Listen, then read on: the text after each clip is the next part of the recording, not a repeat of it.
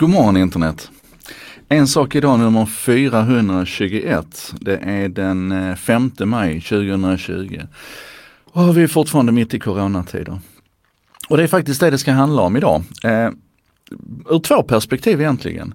Det ena det är att jag har eh, i den här veckan så är det exakt en månad sedan ett eh, holländskt företag kickade igång sajten Covid Innovations. Eh, jag tycker faktiskt att ni ska gå iväg och titta på den. Eh, den är jätte, den är, alltså den är helt fantastisk. Där ligger över 600 innovationer som är skapade specifikt nu för ehm, covid-krisen. Så den heter alltså Corona, nej den heter inte alls Corona Innovation.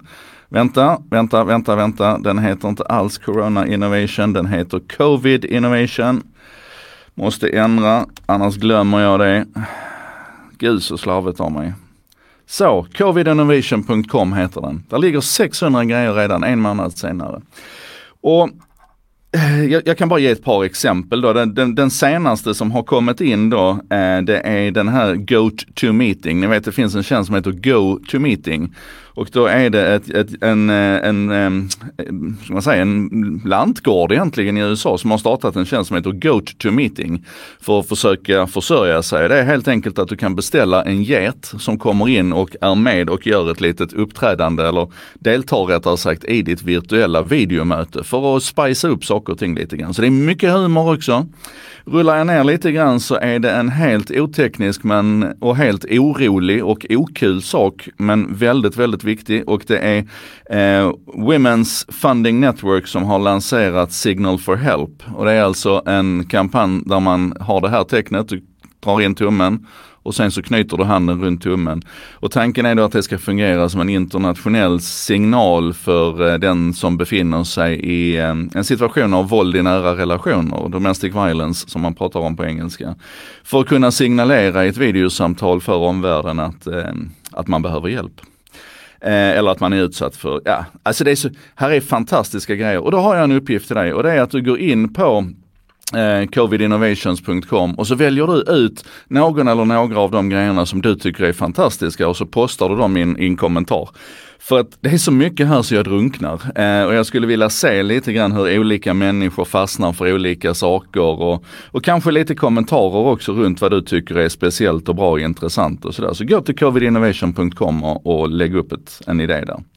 Men det som jag egentligen tycker är mer intressant det är ju då liksom grogrunden för det här. För det första ska vi komma ihåg att Innovation är inte samma sak som uppfinning. Så att innovations här, det är ju inte inventions. Det kan ju faktiskt vara att man tar någonting som funkar alldeles utmärkt i ett annat sammanhang och är gammalt och erkänt och beprövat i det sammanhanget. Men så lyfter man in det i ett nytt sammanhang och då blir det en innovation. Det är jätteviktigt att komma ihåg det att alla behöver liksom inte vara uppfinnarjockar som sitter och liksom uppfinner så här högteknologiska nya sätt att streama video eller vad det nu kan vara för någonting. Utan det räcker att du tar någonting som redan finns och så applicerar du det på ett nytt och spännande sätt. Um, nu är det inte här um, en del av Corona precis, men den tjänsten som jag använder nu som heter StreamYard. Det är alltså två stycken um, hackers egentligen som har tagit en, uh, ett existerande protokoll som finns där ute som heter WebRTC och så har man paketerat det på ett sätt som kanske inte så många andra hade tänkt sig och så har det blivit den här streamingtjänsten. Det är innovation. Man tar någon annans uppfinning och så applicerar man den på ett, ett helt nytt sätt att tänka.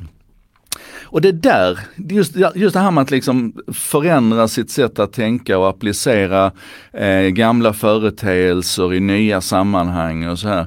Då är vi inne på det som jag egentligen tycker är det mest centrala och mest spännande runt vad vi kan lära oss av den här krisen. Och det är ju hur vi, hur vi ska bevara den känslan som, som, som Covid Innovations visar upp här. Alltså uppfinningsrikedomen, modet att prova, eh, vi ser exempel här på stora företag som går in och gör grejer, att vi liksom kan, eh, helt plötsligt finns det resurser att göra saker och sådär. Hur kan vi behålla det mindsetet? Och ett av de tydligaste inhemska exemplen på hur det här liksom skalar hela vägen upp, det är ju när SAS kabinpersonal går en två eller tre, ja de går en kort utbildning i alla fall på Sofiahemmet och sen kan då SAS kabinpersonal börja jobba i sjukvården istället.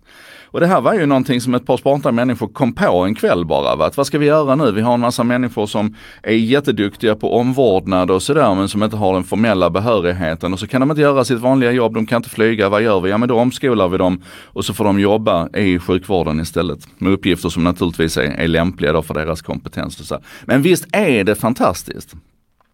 Och då tänker jag på en föreläsning som min gode vän Troed höll för ja, det, 4 maj tror jag det var han höll den. Eh, jag borde kunna se när det här var, nej det var den 22 april han höll den här föreläsningen. Den finns på Youtube, jag kan lägga en länk till den också. Men där pratar han i alla fall om det här med, med organisationer som han så ofta gör. Va? Och, och då beskriver han en, en resa då som en organisation gör. Och, och tänk dig nu först ett, ett gäng killar och tjejer som träffas på en grusplan med en, en rund lädertrasa så här. Eh, det här är min story, inte Troeds, men det är hans modell. Lädertrasa, ett gäng unga människor, pojkar och flickor träffas på en grusplan, upptäcker att de kan börja kicka den här bollen till varandra och helt plötsligt så var ju det lite kul. Va? Om de inte gör mer i den situationen än kickar lite boll mellan varandra och sen går därifrån, då är det här händelsen, den är som slime liksom. Det blir ingen organisation av det, det blir ingen, ingen struktur, ingen form, utan nästa gång de träffas så kanske de gör något helt annat. Va? Vad Troed menar då det är att en organisation som, som vill någonting, den blir lite mer som modellera istället. De här, istället för slime så blir det modellera som man kan forma och skapa. Va? De här killarna och tjejerna som träffas där, de kanske kommer på att man ska ha ett mål i varje ände av den här lilla grusplanen. Va? Man sätter upp lite stolpar där och så börjar man bygga ett regelverk som handlar om att man inte får lov att sparka omkull varandra och man börjar så småningom liksom så knådar man vidare på den här modelleran så det blir ett ganska avancerat komplicerat regelverk med offside-regler och utbytar och allt vad det nu är. Så håller man på och knådar och knådar på den här degen. Och, och, en annan aspekt av det här knådandet är ju kanske att man börjar formera sig i lag. Va? Så att man har eh, lag som kan träna tillsammans, bli bättre tillsammans och sen möts man på den där grusplanen och så tävlar man mot varandra. Och, och, och då blir det ju liksom också en slags modellera. Hur, hur formeras de här lagen? Och en annan modellera kan ju vara, hur formerar man nu den här tävlingen? Va? Helt plötsligt så börjar man ju liksom bygga då ett, ett kuppträd kanske eller man bygger en serie med poäng. Ja men ni är med va? Man knådar den här modelleran kontinuerligt. När man har gjort det här ett tag så finns det en stor risk i många organisationer att man blir mer förälskad i processen än i själva spelet. Man glömmer bort den där lädertrasan. Och så blir man som en bullkula. Det finns liksom ingenting som kan förändra det här och tro, han exemplifierar det så fint med det här laget Brommapojkarna som har funnits i ett, ett par hundra år nu tror jag. Och som naturligtvis startade som ett pojklag, det är därför man heter Brommapojkarna. Men idag är de ett av Europas största flicklag också. Och då tyckte man att det är rätt rimligt att vi döper om oss till, till någonting som inte heter pojkarna. Men så det gick inte va, för det var det här bullklotet. Nej, så här har det alltid varit och så här ska det alltid fortsätta vara. Det här bullklotet då, det, det, kan faktiskt vara så att det kommer ett utifrån tryck som är så starkt så att bullklotet förändras. Eh, och det är väl det vi har sett här nu i coronatiden. Då blir vi lite mer som en tvättsvamp istället, eller risken är att vi blir som en tvättsvamp. Alltså det kommer ett massivt tryck utifrån, vi överger bullklotsidén och så blir vi den här tvättsvampen där kabinpersonal blir sjukskötare och, och där eh, eh, någon som normalt sett sitter och kör buss, eh, nej de fortsätter köra buss, men någon sån som jag, någon sån som åker omkring och föreläser helt plötsligt börjar printa 3D-visir till vården istället. ni vet, vi, vi liksom, hela samhället ställer om och, och vi upptäcker liksom en kultur av skapande och, och mod och vi hittar resurser och vi, vi liksom så, vi, vi verkligen liksom blir något helt annat än vad vi var när vi var det där bullklotet. Men då är frågan vad som händer sen efter krisen. Alltså går man tillbaka som en tvättsvamp och bara liksom fjädrar ut igen? Eller har vi hittat någonting här nu i detta som gör att vi faktiskt kan, kan ta steget tillbaka till steget tillbaka till, ja det känns ju faktiskt som ett steg framåt nu, men att vi kan bli den där modelleran. Att vi kan liksom bli den här klumpen där vi hela tiden kan forma och skruva och förändra.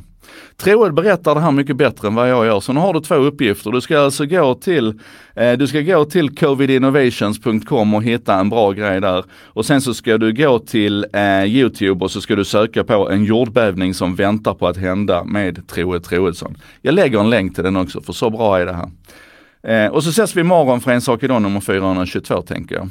Hej då!